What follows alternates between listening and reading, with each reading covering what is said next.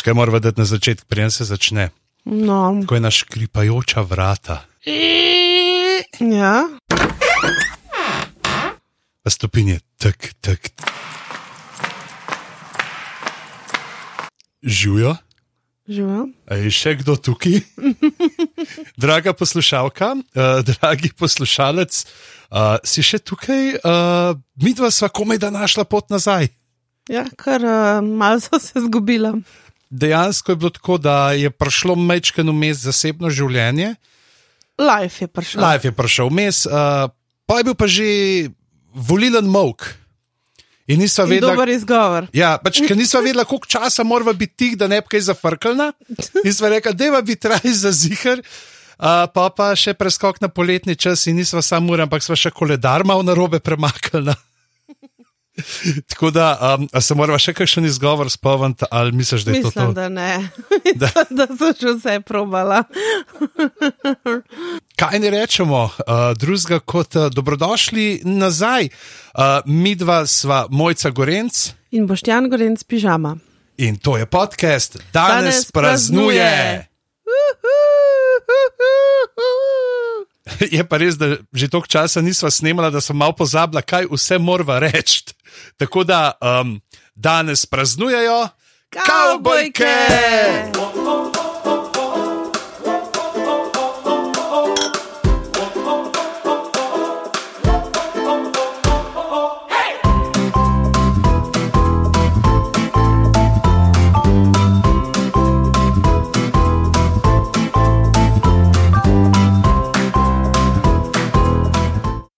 Na zdravje kavbojkam, danes izjemoma s črno kavo.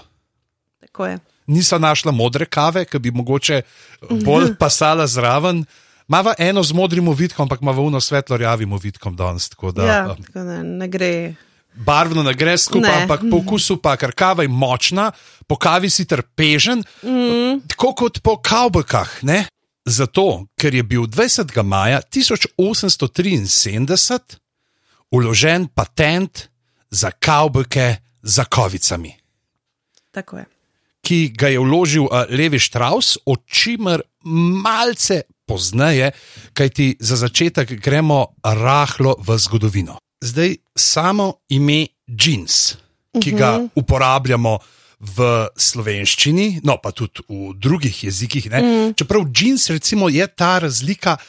Uh, Pri nas jeans pomeni oblačilo, tudi uh -huh. iz jeansa, a ne medtem, ko v uh, Ameriki, oziroma na splošno v angleščini, so jeans uh, večinoma samo oblačila, uh, tkanini sami pa rečejo denim.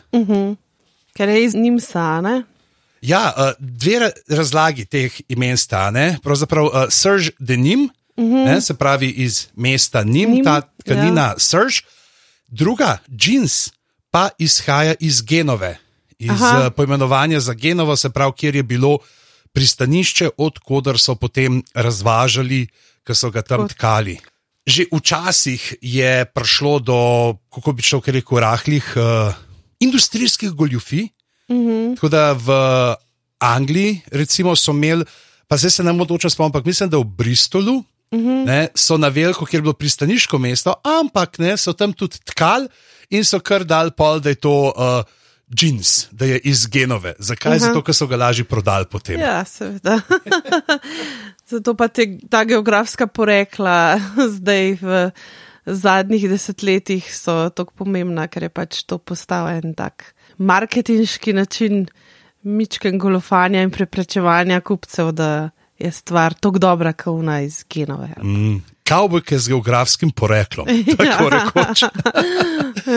Ampak ne moreš pa pogoljufati pri sami vrsti uh -huh. uh, tekstila, pri džinsu. Uh, džins je, če uh, vzamemo definicijo iz uh, SSKJ, ki uh -huh. velja tudi na splošno, da je to gro, trpežna, groba, bombažna tkanina v keprovi vezavi, navadno za hlače. Zdaj, veš, kaj je keprova vezava? Nimam pojma. To je verjetno neka vrsta tkanja. Ne? Ja, obstajajo tri poglavitne vrste tkanja. Uh -huh. uh, prva je platnena vezava. Ne, se pravi, ti, ki imaš to uh, osnovo, uh -huh. ne, se pravi, niti in potem votek, ki levo, desno ga šibaš ne, uh, in ga daš. Zdaj, pri platneni vezavi tkanina. Uh, votek uh, preskakuje samo po eno osnovno nit ne, in so uh -huh. trdno vezane, uh, platnena vezava je namenjena pralnim tkaninam. Potem keper deluje tako, da uh, preskakuje votek eno ali dve osnovni niti, in v naslednji vrsti se preskok pomakne za določeno število niti, vendar se morajo osnovne niti med posameznimi vrstami dotikati. Ne, tako da dobiš taka diagonalna rebra uh -huh. v tkanini sami. Uh, potem imaš pa še atlasovo vezavo, ki se pa od keprove loči potem, da se osnovne niti med posameznimi vrstami ne dotikajo. In površina je zato bolj gladka, ampak tkanina ni trpežna. Uh -huh. To zdaj vem, ker sem zadnjič uh -huh. videl zapiske od mojega detka. ja. Ja. Kaj je genialno, uh, mami je, mislim, ona jih ni najdla, ona je vedela, kje so. Mm. Uh, iz časa, ko se je šolal za tkalca. Ne, in to imaš res ne vem, koliko različnih vezav, uh, ne vem, koliko teh ne, uh, tipov, kako vodek pelati čez. Potem uh, so bile te kartice z luknjami noter, ki so. -hmm neke vrste dejansko programi, ne, ker, mm -hmm. v katere si pač ti, to je bil program za uh, tkalni stroj, kamor si dal koliko uh, nekih niti ne preskoč v vsaki vrstici in ti je tako genialno. Uh, zagledati in ta natančnost. In, uh, mislim, da se je prav zmenila z Gorenskim muzejem, ki imajo not ta oddelek za tkalstvo, oziroma vso to industrijo, ki je bila včasih uh, v Kranju, da so vzeli vse te zapiske. Uh -huh. Da, jaz sem detka v muzeju. Overshares. Overshares International. A? Anonymous. Not so much. Moram, až to pred zgodbo, zato da se vidi, zakaj sem strokovnjak za jeans. Ja, ja.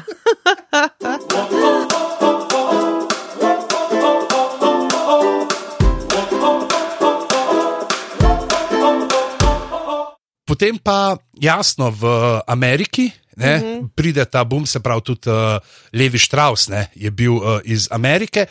Uh, ja, ni, ne, bil ni bil iz Amerike. Ne, pardon, bil je iz kje? Iz Bavarske, bil Nemci, bil ne. -huh. uh, v resnici mu je bilo ime Lep Strauss. Uh, in se je rodil 26. februarja 1829 v Butenheimu pri Bambergu na Bavarskem. Ko je bil star 16 let, uh, je družini umrl oče in takrat, uh, dve leti kasneje, se je mama z njim in pa z dvema sestrama izselila v New York. Takrat je pač um, bila ta zlata leta uh, tega preseljevanja čez lužo. Ljub Štraus je pravzaprav res eden od tistih migrantov čez uh, ocean, ki je dejansko res uspel z svojo, bolj svojo iznajdljivostjo, bi rekla, no, uh, kot svojo idejo. Ne? Ker uh, za njegovo idejo, uh, se pravi, ta, te hlače s zakovicami, uh, je pa drug migrant. Ampak preden gremo do tega drugega migranta, ja? bomo povedali zgodbo še enega, ki je potoval čez ocean. Uh mhm. -huh. Namreč uh, jaz sem med pripravami na tale podcast na veliko poslušal uh, od uh, Hedlsa uh, neke podcaste o džinsu. Mm -hmm. Dejansko mislim, da nekih deset ur. Zgodovine džinsa. Jaz bi rekla, da sem se pripravljala jih tako kot odvetniki od Amber Heard. Je to tudi v zapiskih, če bi kdo rad ne širšo sliko za stvar, ker pravzaprav, ne vem, prve tri dele sam neke te družbene okoliščine in uh, vse podobno opisujete. Recimo, jaz priznam, da sem bil tako ignorant, da nisem vedel, da v kolonijah, v ameriških, uh -huh. ne, ko je bila Amerika še pod britansko zastavo, pod britansko krono, uh -huh. da uh, tam niso imeli tkalnic. Uh -huh. ne, Amerika je bila pravzaprav te, vse te plantaže. So bile zgolj surovine ja, ja. in so jih vozili čez. Ne, in je potem en model, iz uh, Anglije, če ga ime sem zdaj le pre, uh, pozabil, ampak mu pravijo dejansko Prometej tkalstva. Ja. Je načrte in vse pretihotapu čez v Ameriko. Uh -huh, uh -huh. In potem se je tam, potem seveda, ko so se že osamosvojili. Uh, so uh, potem nastala ta velika, veliki industrijski kraj, ne, kjer je pravzaprav cel kraj mm -hmm. delal zdaj, ali je bila to tkalnica, ali je bila kakšna druga industrijska panoga. Uh, in uh, potem pa jasno, ker so potrebovali uh, več in več tega materijala, ne, je še dodatno spodbudilo še suženstvo mm in vse, ne, kar ja. je. Ni pol tako, bi rekel, svetla plat. Ja. um, in pa uh, zelo zanimivo, pač ti, da si bombaš. Mislim, da sem prebral oziroma slišal, da, je, da si ti rabo deset ur dela mm -hmm. uh, čiščenja tega bombaža, da si vse mm -hmm. semena ven pobral, da si dobu, uh, mislim, da pol, pol kile ali kilo. Uh, bombaže, čez ga ven, kar se je potem uh, spremenilo kasneje s tem Cotton Ginom, uh, kar je krajše za Cotton Engine, za bombažni mm -hmm. stroj, ki je potem avtomatsko uh, presejal uh, ta semena ven mm -hmm. iz bombaža, se pravi, da ga je zelo pohitril to delo. Ne? In se reče, da se zdaj bo pa lažje, ne? ampak se reče, pa bomo imeli pa še več bombaža. Ne? In mm -hmm. je znova spodbudilo uh, sužensko uh, trgovino. Potem. In potem, ko se je vse to razvilo, in mm. ko so ljudje počasi začeli hoditi tudi uh, na zahod, ne, kamor se je tudi uh, Levi Štraus potem preselil, mm. je bil pa tam uh, skozi bolj težna po tem, da se stvari izdelujejo uh, krajevno, ne na zahodu, mm. ki pridajo z. Lokalna samozkrba. Predvsem zaradi tega, ne, ker. Uh, Da si ti prišel nazaj do New Yorka, ne, da je prišlo tvoje naročilo do New Yorka in prišel nazaj, mislim, da je trajalo mm. deset mesecev. Yeah. Da, ja. pač deset mesecev je bil the next day delivery. uh, in uh, tukaj potem ja, vstop v igro ta drugi imigrant, pa ti bom kar prepustil besedo. Uh, ta drugi imigrant je pa Jacob William Davis, saj tako se je imenoval v Ameriki, v resnici pa mu je bilo ime Jakob Sufas uh, in je bil uh, porodu iz Latvije. Uh, tudi sam je emigriral v ZDA nekje pri 23 letih, uh, prav tako v New York, seveda. Uh, tam si je spremenil ime in potem se je uh, kar dosti selil po ZDA. V nekem trenutku sta skupaj trčila z Levi uh, Štrausom. Davis je uh, Štrausu prodal idejo o vzdržljivih hlačah z kovicami uh, in ga je prepričal v to, da sta vložila patent. Uh -huh. uh, in tako je nastal Levis. Tako je. Uh, te hlače uh, so nosili takrat, se pravi, iskalci zlata, uh, rudari, rudari, ki so se. Uh, potem podali v jame. In uh, dejansko bi uh, Davis sam uh -huh. uh, patentiral, če bi lahko, ampak uh, je tistih 68 dolarjev, kar je v današnjem denarju, mislim, da okoli 500 dolarjev, uh -huh. če sem si prav zapolnil, ni imel ne in si je, uh, je prišel do njega in rekel: Le od tebe kupujem ta material, da bi mi dva to skup, ta biznis naredila. Ja, ja. in, uh, Podjetni Nemec, ne je pa videl ja. priložnost in jo je izkoristil. In tudi uh, ga je potem zaposlil pri tako, sebi tako, v svojem ja. proizvodnem obratu. Uh, predvsem je šlo pa tukaj res za, mislim, da 17 let je bilo obdobje, ko nihče drug ni smel delati hlač z zakovicami, uh -huh. in so potem vsi drugi proizvajalci v tistem času skušali nekako uh, priti uh, do svoje ideje, pa kam bi jih dajali, pa z kakšnih materijalov bi delali, uh, bi ojačevali, ampak nič se ni izkazalo za tako uspešno kot uh, ravno ti uh, neti. Ne, mm, Bakreni neti. Ja. In tudi zato je potem uporabil to oranžno uh, nitko mm -hmm. za šive ker ne bi se ujemala z barvo teh uh, zakovic. Uh, ja, ta patent um, je v bistvu v zgodovini um, potem še povzročil težave mnogim podjetjem, predvsem tudi ta trademark njihov, ki so ga imeli. Ki so ga vložili, um, mislim, da tam v 70-ih letih, uh, če se ne motim, prejšnjega stoletja, potem kasneje. In veliko podjetij je bilo, ki so kopirali um, ta model. Koli leta 2000 je Levis podjetje vložilo um, veliko uh, tožb proti um, nespoštovanju uh, patentov, trademarkov in tako naprej, praktično po celem svetu. Večino od teh tožb uh, je Levis dobil. Uh, med drugim so, um, so tožili tudi podjetja, kot so naprimer Gas, Polo, Ralph Lauren, Esprit Holdings in pa še nekatere druga podjetja po celem svetu, tudi na kitajskem, so dobili ta trademark vor, ker uh, so šli v ta bojno, uh, niso nekako um, dopustili, da bi bilo uh, javno dobro, uh, pač njihov, uh, njihov patent in njihov trademark.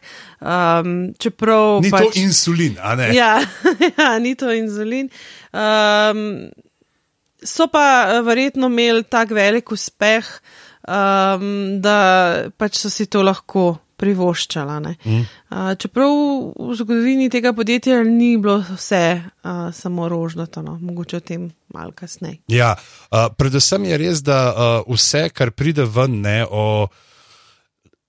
Levi v Štrausu. Mislim, mm -hmm. da, da to uh, podjetje Levi zelo uh, odloča, kaj je, uh, kateri deli zgodbe se pojavijo ja, ja. Uh, potem v javnosti.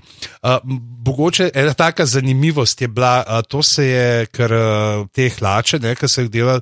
To je bilo v času, ko so bili neki veliki ti upori kitajskih delavcev, uh, tudi v um, Kaliforniji, mm -hmm.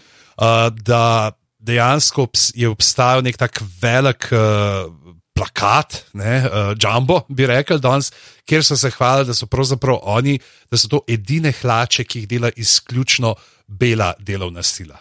Ja. To tudi ni potem malo več bilo res, uh, ampak uh, ja, če, če gremo no, uh, v ta del zgodbe, leta 2002 je eh, podjetje Levis uh, zaprlo zadnji obrat v ZDA in sicer v San Franciscu. In to je bila um, prav ta tovarna, ta obrat, ki so ga odprli leta 1906. In sicer je v istem letu, kot je bil v San Franciscu uh, potres. In v bistvu ob koncu leta 2003 so zaprli čisto vse tovarne, še zadnjo v San Antoniju. In po 150 letih v Ameriki niso več uh, izdelovali džinsa. Sicer uh, se potem neka produkcija nekih uh, high-end, se pravi višjega razreda, no, cenovnega in naj tudi kakovostnega, artikli uh, tovarne Levi so se potem vse en še vedno izdelovali v ZDA. Ampak ta množična produkcija uh, Levis uh, Cowboy pa se v ZDA ni, ni zares več vrnila pa ko smo ravno pri artiklih uh, višjega cenovnega razreda, mm. pa višjega kakovostnega razreda. Ti veš, kako se je imenoval prvi model, ki so ga naredili pod eh, znamko Levis? Mm. Njihov najbolj ikonični je 501. Uh -huh. Prvi artikel, pa je bil prvi model, je bil pa XX. Aha, kaj je bila to velikost? Ne, ampak ne? XX je bila oznaka uh, tekstilne tovarne uh -huh. z mhm. vzhoda, odkudar so dobivali svoje blago in Aha. tista je veljala za najkakovostnejšo. Se mhm. pravi, ne, s tem XX, oni rekajo, da modeli to imamo je... najbolj kakovostno robo, mm. tako da kupujte pri nas.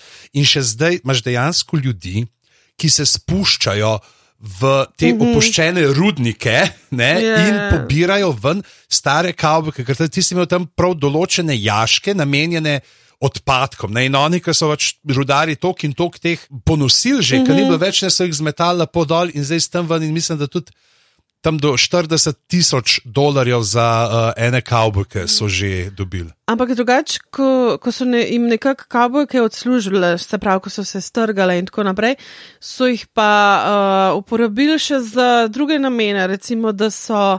Um, jih podarili sosedom v Panksu? Ne, ne, uh, to govorimo o njih časih rodarjev in tako naprej.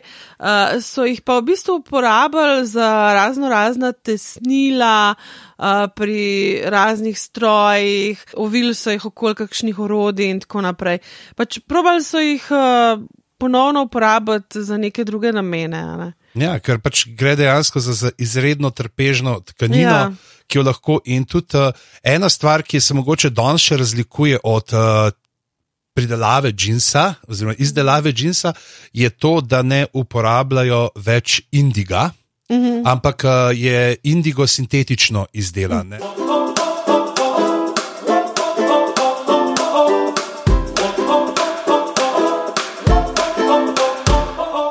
Pri nas, ne, džinsu rečemo kavbojke. Ja. In potem, kaj najbolj preprosto vprašanje, ali so kavbojci zares nosili kavbojke? Mislim, v filmih so jih, a ne? Ja, v tem prvem, prvi kavbojki 1906, ne, veliki uh, rob poštnega vlaka. Mislim, da je celo Edison režiral, ne imel neki prste zraven. Uh -huh. Kavbojke so imeli. Uh, John Wayne v svoji prvi vlogi, tam v 30-ih, imel je kavbojke. Ampak ta veliki boom kavbojev, se pravi pastirjev, ki ženejo uh, govedo v nepreglednih čredah iz Teksasa čez planjave navzgor proti železnici, ne, mm. ki uh, gre. Ki povezuje zahod in vzhod, da ga jih potem tam naložijo na vagone in odpeljajo v New Yorku, Meatpacking District, mm. zato da lahko potem gospoda v New Yorku obeduje sočne zrezke. Ne, je dejansko uh, v roku desetih let po uh, patentu Levisk uh, propadlo. Pač ni bilo mm -hmm. več potrebe uh, po tem, uh, mm -hmm. da bi jih imeli. In uh, dejansko so kavbojci, oziroma to, kar imamo mi tam, ne, nek prizor, divji zahod, so bili oblečeni v navadne obleke. Ne, mm -hmm. Tako da pravi ta Deadwood.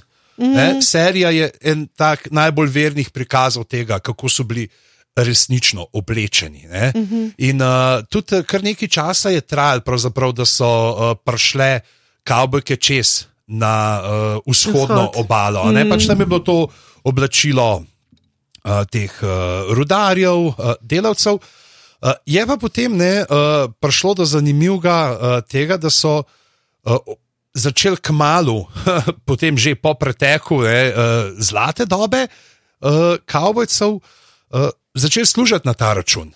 In ti si imel uh, po, ja, dejansko stvari, ki se jim rekel, dude ranches. Mi bi Ja. temu danes rekli, to je turistična kmetija na nek način. Ne? Pač- zanimiva Ker- turistična turist- kmetija, ja, ja. drugače. Ampak, dude, ne, kaj ti si predstavljaš pod besedo dude? Kaj, e, recimo, komu bi rekla dude? Kakšna Ja. bi bila ta oseba?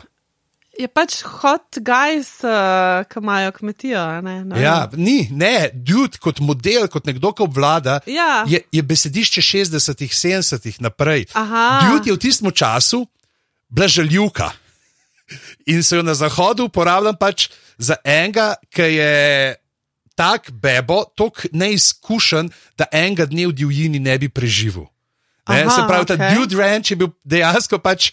Aha, a to ni bilo, to ni bilo, niso rekli unim, ki so na teh renčih živeli, Ne. ampak je bilo unim, ki so prišli tja, se pravi turistom. Ja, so rekli. turistom. A, okay. Ob enem, pa, no, ki si rekla, vroči moški, Ja. ne, dejansko so oni vabili čedne postavne mladce delati uh, za, Ja, za ja. voljo romantičnih uh, izkustev turistk. A pa to pač. Um, To je bil prav koncept njihov, ali pač to na, po naključju se pol tako uh, Mislim, kon- odvil, koncept- ker jim je bilo pač dolg čas tam in niso imeli kaj Ja, početi. to zdaj ne vem, kako so te ženske, zraven pa še nekaj, da jih zadovoljujejo. Ampak pač ja, koncept tega Dude Rancha je bilo pač, ja, dajmo mi pokazati malo, kako Ja. je bilo. Ampak pol so na, na te ranče hodile ženske. in moški, in vsi pač dejansko. Aha. In tam so pa prodajali jeans. Mm -hmm. Kavbojke, mogoče tudi tukaj umeniti, recimo, en od teh, ki je bil tudi zaslužen za to podobo tega kavbojca, je uh, Wild Bill Hickok s tem svojim uh, cirkusom, mm -hmm. ki je hodil okoli, tudi po Evropi. Ampak. Uh, Ja, in potem so ta jeans, ne, oni so tam kupovali jeans, uh, mm -hmm. da so ga odnesli domov, ne, kot oblačilo, ker je to pomenilo tam na, vz, uh, na vzhodu, hej, lejte nas, mi si pa lahko prvošmo. Mi smo šli pa na dopust, nam pa ni treba petek in svetek delati v teh tovarnah, ne, mm -hmm. ampak smo šli, smo si prvoščili. Ne, uh, In kot suvenir, ali kaj. Ja, neke vrste. Uh, in potem je z vseh koncev pravzaprav počasi začel pronicati. Uh, imel si ena zelo taka pomembna stvar, ki je bila tudi uh, za ekspanzijo Džinsa, uh, so bili pa uh, Civilian Conservation Corps. To je bilo pa v času velike depresije, uh -huh. ki je uh, Roosevelt je bil takrat, ne? Že. Že bil? da. Je bil, ne, kdo je bil New Deal? Čakaj, idemo pogledat. A ja, New Deal je bil, po mojem, Roosevelt. Ja.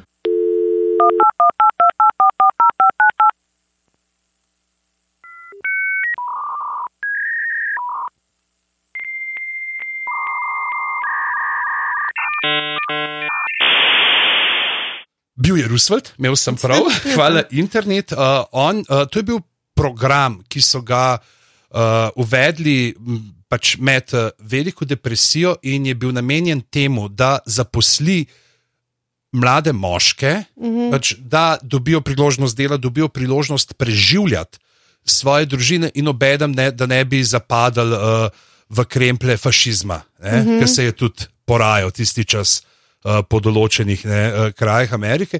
In oni so skrbeli za parke, oni so pogozdovali parke, mm -hmm. oni so delali ceste, se pravi, skrbeli za. National okolje. Parks, ali kaj? Ja, neke vrste, ne se zdaj Oni. Oni, Parks and Rec. Ja, tako je, Roni Svonsni, ne sami. Uh, in oni so imeli tudi uh, svoje uniforme, pač te, ne, delovne so bile iz džinsa, ne, in to je bil pa pač drug način.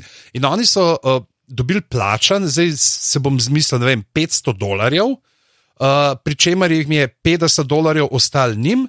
Uh, 450 so pa poslali domov svojim družinam. Ne? Ampak uh -huh. za njih je bilo to dost, pa mislim, da to v današnjem denarju, no, na teden. Uh -huh. uh, in ker oni so imeli tam in hrano, in uh, prenočišča, vse so imeli zagotovljeno. Uh, in uh, pač so na ta način delali, pol leta so morali no, uh, uh -huh. podpisati, da bodo delali, in pol.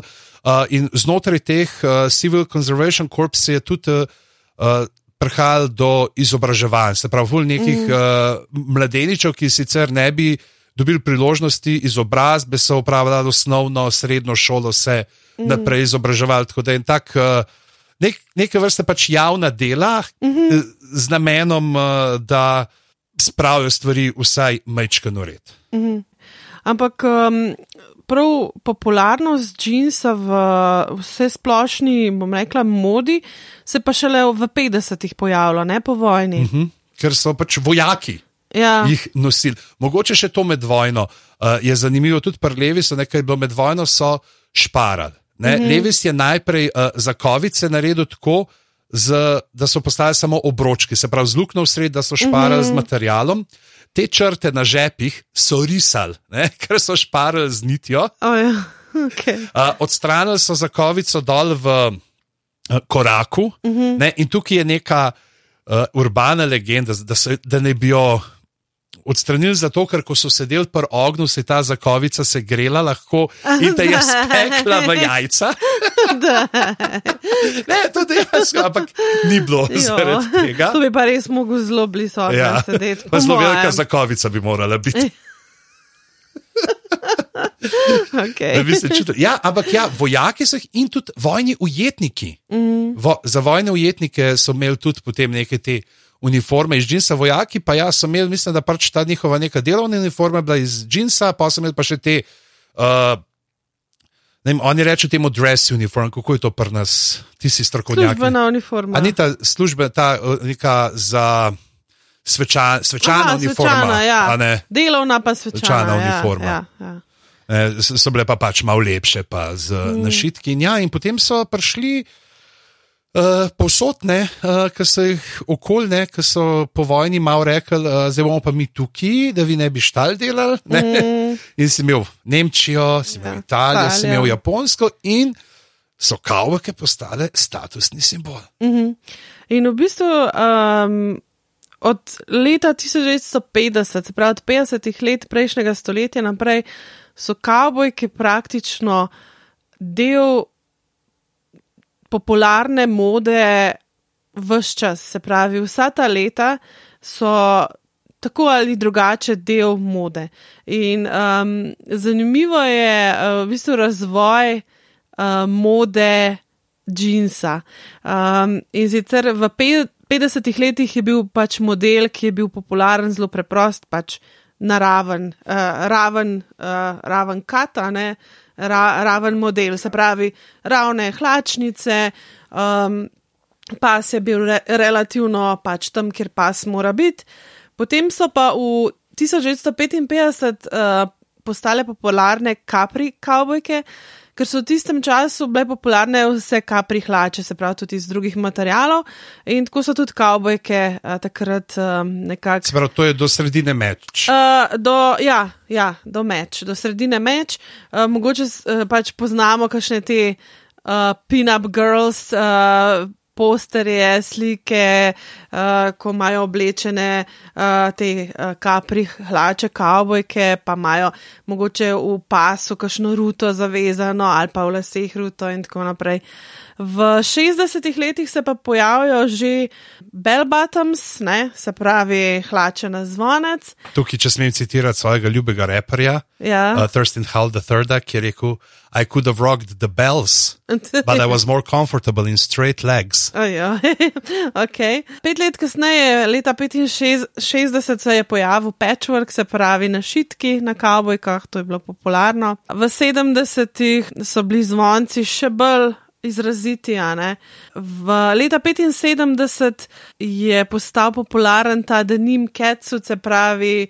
Um, Kako rečemo? Kombinezon celo telesa. Ja, pač, ja, kombinezon. Ženski rečemo. kombinezon. Ja, uh, potem leta 80 smo jih pa začeli že trgati, uh, ripped jeans. ne. Leta 85 um, acid wash, se pravi uh, spiranje, se pravi, so mogle biti kavbojke rabljene.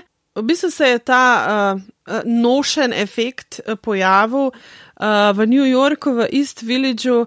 Uh, je bil nek butik, ki se imenoval Limbo, in je bila prva trgovina, ki je v bistvu uh, kavbojke prala, zato da so izgledale bolj nošene, da so izgledale ponošene. In to je takrat postal pravi hit. In potem leta 1900. Hočeš reči, da so te kavbojke ljudi čist sprale. Čisto jih sprale. Ja. Leta 1990 so se pojavili te dungarees, uh, se pravi. Um, Farmerce. Zna, zna, farmerce z narazom, pri čemer je zanimivo, da originalne Ja. kavbojke so, So. so imele uh, knofe za naramance. Dejansko Ja, si imel ja, te ja. pač te gum, knofe za naramance kot del uh, kavbojk. Potem 1985 je se je pojavil Budkat. To pomeni, da so bile hlače sicer dosto prijete, ampak spodaj so bile pa tako široke, da si jih lahko dal čez škornje. ne? Hm.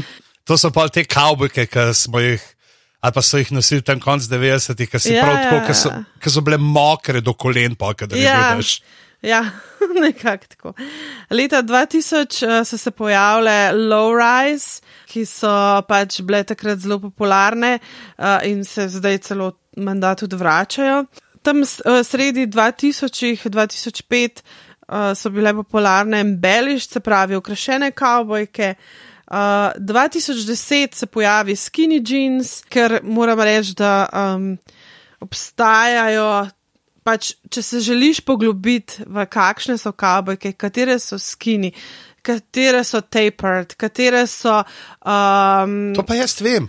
ja, Te prco korenček, a niso? Ja, korenček, Se pravi, ker se zožajo pome- Skinny jeans je v bistvu tak, ki je celoten oprijeta. Uh -huh. uh, tapered so pa v bistvu tiste, ki so oprijete samo od kolena navzdol, se pravi, zožane od kolena navzdol. A imamo kakšen ime tudi za te, ki so na pol med pripad navadnimi, se pravi, uneka gležne kažejo. Uh, mislim, da so te sedem osmin ali kako. Uh -huh. Pravi, ta zajeban takt. To je Vojko ve, torej. Se pravi, Ja. yeah. Vojko ve. Uh, Ja. Leta Kavbojke. 2015 smo začeli cent uh, udobje in smo na plano privlekli mom jeans, ki so malo bolj ohlapne, pa dead jeans, ne, ki so tudi neka ta izpeljanka. Dead ball um, for life. Leta 2019 smo se pa vrnili na straight cut Tako kot leta 1950. Um, pač zgodovina in moda se ponavljata vse čas. No, moda je ploščati krog, ali kako. ja, nekako tako. In ko smo pri ploščatih krogih in pri nihilistih in pri ljudeh, ne, ki imajo svojski pogled na svet in filozofijo. Uh, mogoče še en faktor, ki je bil tudi dejansko zelo pomemben pri upeljavi džinsa na širšo populacijo, sploh med mlade, je bila pa bitniška kontrakultura. Uh -huh. ne, ka oni so pa takrat rekli, pač, če imaš ne, stil, ti ga ni treba kazati na vzven, se pravi, na nek način so hoteli povzdigniti tudi to delavsko nošo, ne, se pravi, mm. temu, če moramo rečati, rečejo blue collar, ne, se pravi, da to postane, da ti si lahko omikan in uh, načitan človek, uh, tudi če nosiš kavbojke, če nosiš flanelaste srajce. In um, Alan Ginsberg je bil en od tistih, no, ki je to upeljal. Tako da in kavbojke so potem jasno se še dodatno razširile, ker tukaj je bila tudi ta točka upora ne, mladih mm. uh, proti odraslim, kar je po svoje zanimivo. Ne, nek, po eni strani imaš ti ta džins, ki ga dajo vojakom, ki so pravzaprav najbolj okostenela institucija, kar je sploh možna znotraj družbe, najbolj mm. rigidna. Po drugi strani pa ista oblačila potem furajo mulci, ki se upirajo yeah. staršem. Kako pravzaprav ta džins je tako povsod, živijo, mi smo tle, pač yeah. to je to. Yeah. Uh, eno vprašanje, ker zdaj se pač nosijo kabelke. Bidva smo pa oba odraščala v času, uh, ko ni nujno, da si bil uh, pevc v šankrokih, da si nosil tudi džins jakne. A si imela kakšno džins jakno? Seveda sem imela. Kaj si imela gor na šit? Spomnim se, da sem imela v osnovni šoli eno, ki je imela full stvari gor. Uh, zdaj, kaj točno je imela, ne vem, ampak kaj si imel pa ti? E, imel sem eno modro, ki je bila tako full široka, tako ohlapna ne vem, zdaj se ne bom spomnil, kaj sem imel. Te, imel sem pa še eno črno, ki je bila tako malo bolj oska, pa da mm -hmm. govorimo zdaj o meni, ko sem bil še pod 100 kilami, mm. ne, mulj. Uh, tam sem imel pa gor, ker sem v aligatorju nabavil, v Kranju sem imel pa Public Enemy, Fear of a Black Planet, uh. našitek. Tako da je bilo pač kao, to je ta moja reperska stanca zdaj. Mi dva izhajava iz tistih časov, ko. Um, um, je džins v Sloveniji v bistvu šele do dobra, nekako se začel prodajati. Ja, res, da si mogel iti še zmeraj, ja. ne se malo na izi švercati. Mi smo recimo v Kranju imeli Gringota, ki je delal lastne kavbojke ja. in jih prodajal. Ampak da si pa ta prave kavbojke uh, dobil, si mogel iti pa v tistih časih se pravi v 70-ih, v začetku 70-ih let v Italijo. Ne? In so mhm. ljudje na veliko uh, kupovali te kavbojke. In tudi v.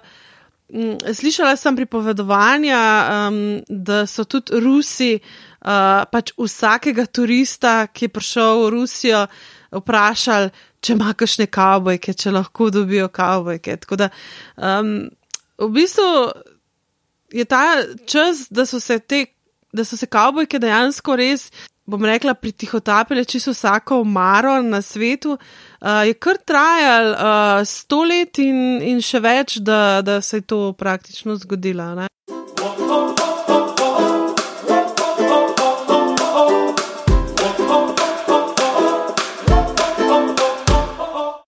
Ampak zdaj kavbojke so praktično del človeške uniforme, bi rekla. Eh, praktično skoraj ni priložnosti, uh, kamor ne bi mogel kavbojke obleči. In tudi ljudje uh, imamo veliko parov kavbojk, nekateri niti nimajo drugih hlač.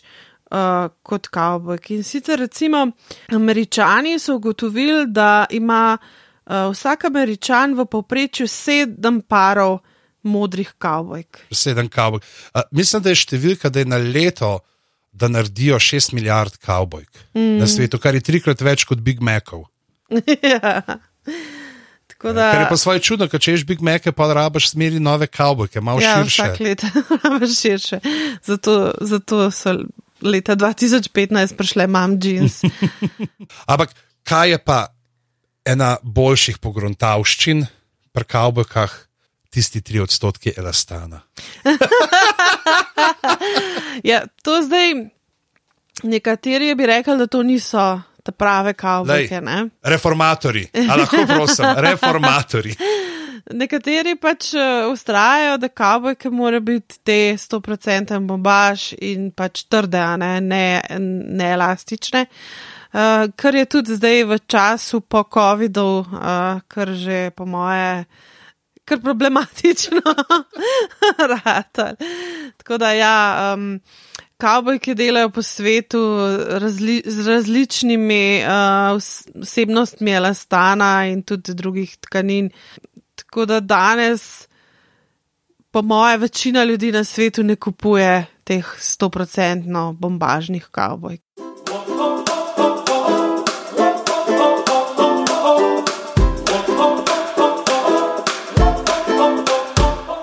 Drugače pa, um, če malo jaz um, zaidem v svoj foha, um, so v, bom rekla, v 80-ih letih uh, kavojke postale kar vroča roba za oglaševalce. Uh, in uh, poznamo kar nekaj zelo ikoničnih uh, oglasov za kavbojke. Najbolj znan oglas za kavbojke, a se ti mogoče spomniš, kater bi to bil? Je to un dizel, ki je bilo vse tako na kontra, ki je bilo vse griti, vse je bilo neki umazan, prašen. Jaz se full te reklame spomnim. No, vse je kar v redu, da se ne spomniš te mogoče ki je najbolj slavna in najbolj slavna in tudi najbolj kontroverzna uh, reklama za kavbojke je pa iz 80-ih, uh, ko je takrat 15-letna Brooke Shields delala reklamo za Calvin Klein jeans. Um, Aha, ja, oh. In ja, takrat je uh, to bila zelo kontroverzna reklama, prepovedali so jo uh, v mnogih državah, eh, mnoge TV postaje, tudi v, v New Yorku, ABC in CBS, sta zavrnile, prepovedale to eh, reklamo. Glas je posnel, uh, je posnel z, zelo znan uh, modni uh, fotograf Richard Avedon. Kaj je bilo zdaj tukaj uh, kontroverznega v tem oglasu? Mlada 15-letna adolescentna manekenka, ki je sicer že bila takrat znana tudi iz nekih filmskih vlog in tako naprej, pa pustimo tudi te vloge. Ja, mogoče reči. 80-ta leta so bila leta, ker se je ljudem zdela modra laguna dobra ideja. V glavnem, pač eh, v zelo seksi pozah eh, mlada Brooke Shields eh, pove, da nič ne pride med njo in njene Kalvin. Kalvinke. Kalvinke. Ja. Kalvinke. Kasneje so Brooke Shields vprašali, uh, pač kako je ona to takrat doživela in je rekla, da je bila ona takrat pač tako naivna, da njej se to ni zdel čisto nič nenavadno, čisto nič sporno. Učitelj so izkoriščanje pač adolescentnega. Otroka, v resnici, adolescentnega telesa, ne, uh, pač promoviranje adolescentne seksualnosti. Calvin Klein je pa takrat kar ustrajal pri tem oglasu. Um, in ga ta pač negativna publiciteta ni v resnici zmotila. Uh, rekel je, kavbojke so seks, bolj so prijete, uh, bolje se prodajajo. Kar je v resnici bilo tudi, nažalost, res. Uh, te Calvin Klein kavbojke so bile takrat, so postale v resnici tudi zaradi tega kontroverznega oglasa pač kar ikonične, uh, kar je v bistvu neka ironija 80-ih let pa verjetno ne samo 80, tudi če kakšnega desetletja kasneje.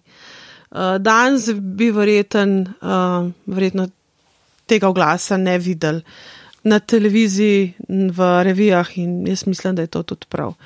Potem je bilo pa še nekaj drugih um, zelo, zelo ikoničnih oglasov. Jaz se zdaj najdu, da ta, uh, ki sem ga mislil, Eh, ta dizel jeans je do bukanskega leva. Drugače je Versace, tudi Versace jeans, um, Versace jeans kultur, imel nekaj zelo ikoničnih oglasov z slavnimi manekenkami, uh, naprimer Klaudija Schiffer, Naudija Auerman, Guess je imel tudi en uh, tak zelo um, seksi oglas z. Uh, Drew Barrymore. Um, v glavnem, kabeke so postali nek tak seks simbol. Uh, in tudi v velikih reklamah, ki niso bile reklame za, za kavboj, ki se pojavljajo, recimo tudi v Calvin Klein reklami iz leta 92. Mm, kjer sta v spodnjem perilu uh, Kate Moss in Marky Mark, ima on tudi oblečene te begi kavbojke, ki so bile značilne za nane. Uh, ven so pa gledale spodnice uh, Calvin Klein. Pa potem Pepsi reklama Cindy uh, Crawford, kjer ima tudi oblečene seksi kavbojke in tako naprej. Kavbojke so se res kar usidrale v popularno kulturo. Praktično ni filma, v katerem ni kavbojk. Kekac. Dobro. da. You're so funny. um, Recimo Versace je naredil parfum uh, posvečen modrim kavbojkam, Versace. Uh, blue jeans. Poznamo pa tudi kakšen komat na temo kavbojka, ne? Uh -huh. Hanna Montana je imela old blue jeans. Meni je drugače, pač prvi, ki mi pade na pamet, pa sem prepričana, da, tudi, da je veliko starejših komadov, ampak uh, blue jeans od Lane Del Rey, tak mm. poletni. Uh, Ella Fitzgerald, če gremo mogoče ja. v kontrasmer od Hanne Montane, uh, je imela uh, pesem z naslovom Sophisticated Lady. Ja. In je balada uh, o kako je o dekletu, ki pobegne od doma še kot najstnica in najde odrešitev uh, z angelom v kavbojkah in rožnim vencem. okay. okay današnji podcast eh, se je vrtel večinoma okoli Levisk. Mm -hmm. Konec koncev zaradi tega, ker uh, je s tem patentom. Ne? Po svoje, če tako gledaš, ne tem Leviskam bi lahko čisto komot rekel tudi Daviske. Ja. če bi se... bi bilo bolj pravilno, ja, če bi jim rekel Daviske. V svetu džinsa obstaja sveta trojica. Mm. Prvi so tukaj uh, Levis, ki smo jih seveda, ne, ki smo jih omenjala že uh, vse čas. Uh, potem so uh, Lee, Lee, Lee HD Lee Mercantile, uh, ki so pa za razliko od Levis, ki so pozicionirani na zahodu, so pa oni bolj na vzhodu. Uh, ZDA in oni so prvi pa uvedli zadrgo uh mhm. -huh. na kavbakah. In to je bilo celo tako dejansko popularno, oziroma se je razširilo na vzhodnji obali, da ko je uh, uh, Levis začel pač potem množično po drugi svetovni vojni svoje produkte prodajati tudi na vzhodu, so morali uh, uvesti uh, zadrge tudi pri 500 enki, ker do takrat mm. so imeli samo na knofe durco. Mm, In pa potem tretji je pa potem še Blue Bell oziroma Wrangler. Wrangler. In uh, medtem, ko so bile uh, leviske namenjene ne, prvotno rudarjem, uh, železničarjem, so bile pa uh, lijeve kavbeke namenjene delavcem uh, v avtomehaničnih delavnicah in podobno. Uh, Bluebell pa Wrangler, se pravi, so bili pa potem namenjeni. Kavbojcem, ne samo da je to že potem. Že potem, seveda, ja. uh, kaj ti. Not original kavboj. Ne, ne, seveda, to tukaj govorimo. V bistvu. Ja, o ja. času ja. druge svetovne vojne in po njej. In imajo pa uh, globlje te žepke za uh, ure. ure. Tukaj tudi ti, ki so imeli večje ure. Ne vem, je kaj jezdiš, da jo daš brez gleda, očitno, da ti te opasu ne pade ven, da ti ne, da te opasu ne pritiska, ne, ker sediš. Ja, ja, ja. Tukaj je tudi ta reklama, ne, to je bila pa od Levis, mislim, da una, ki je ta žep, ki pride. Uh, model v lekarno in si kup kondome, in si ga ja, da pa ja, noter ja, v žepak, ja. in potem pride k svoji baby na večerjo, in je fotor lekarnar. Ja, ja, ja. ja.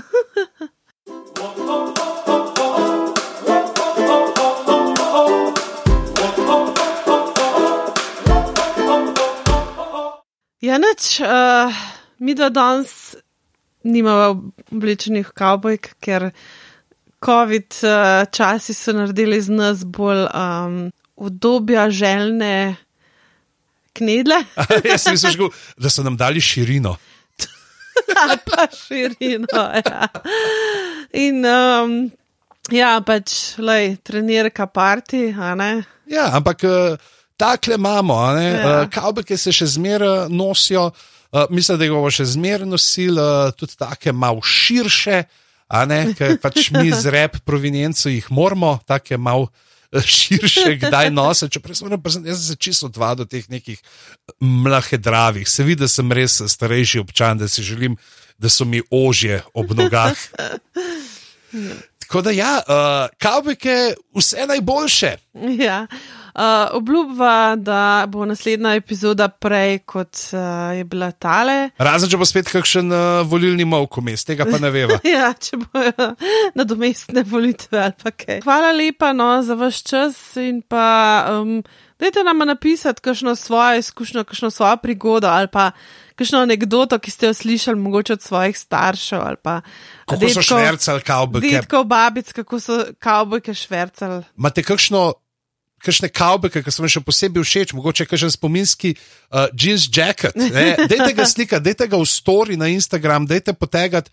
Afna danes praznuje na Instagramu, tudi posledite uh, naj jo lahko tam in pa seveda uh, se slišimo potem čez. Uh, 14 dni, ali pa že jutri, če tole zdaj poslušate za nazaj, in so naslednji deli že na internetu. Okay, okay. Tudi tud prav. Z vami sva bila Mojca Gorenc In boš Jan Gorenc pižama. Adijo. Čau.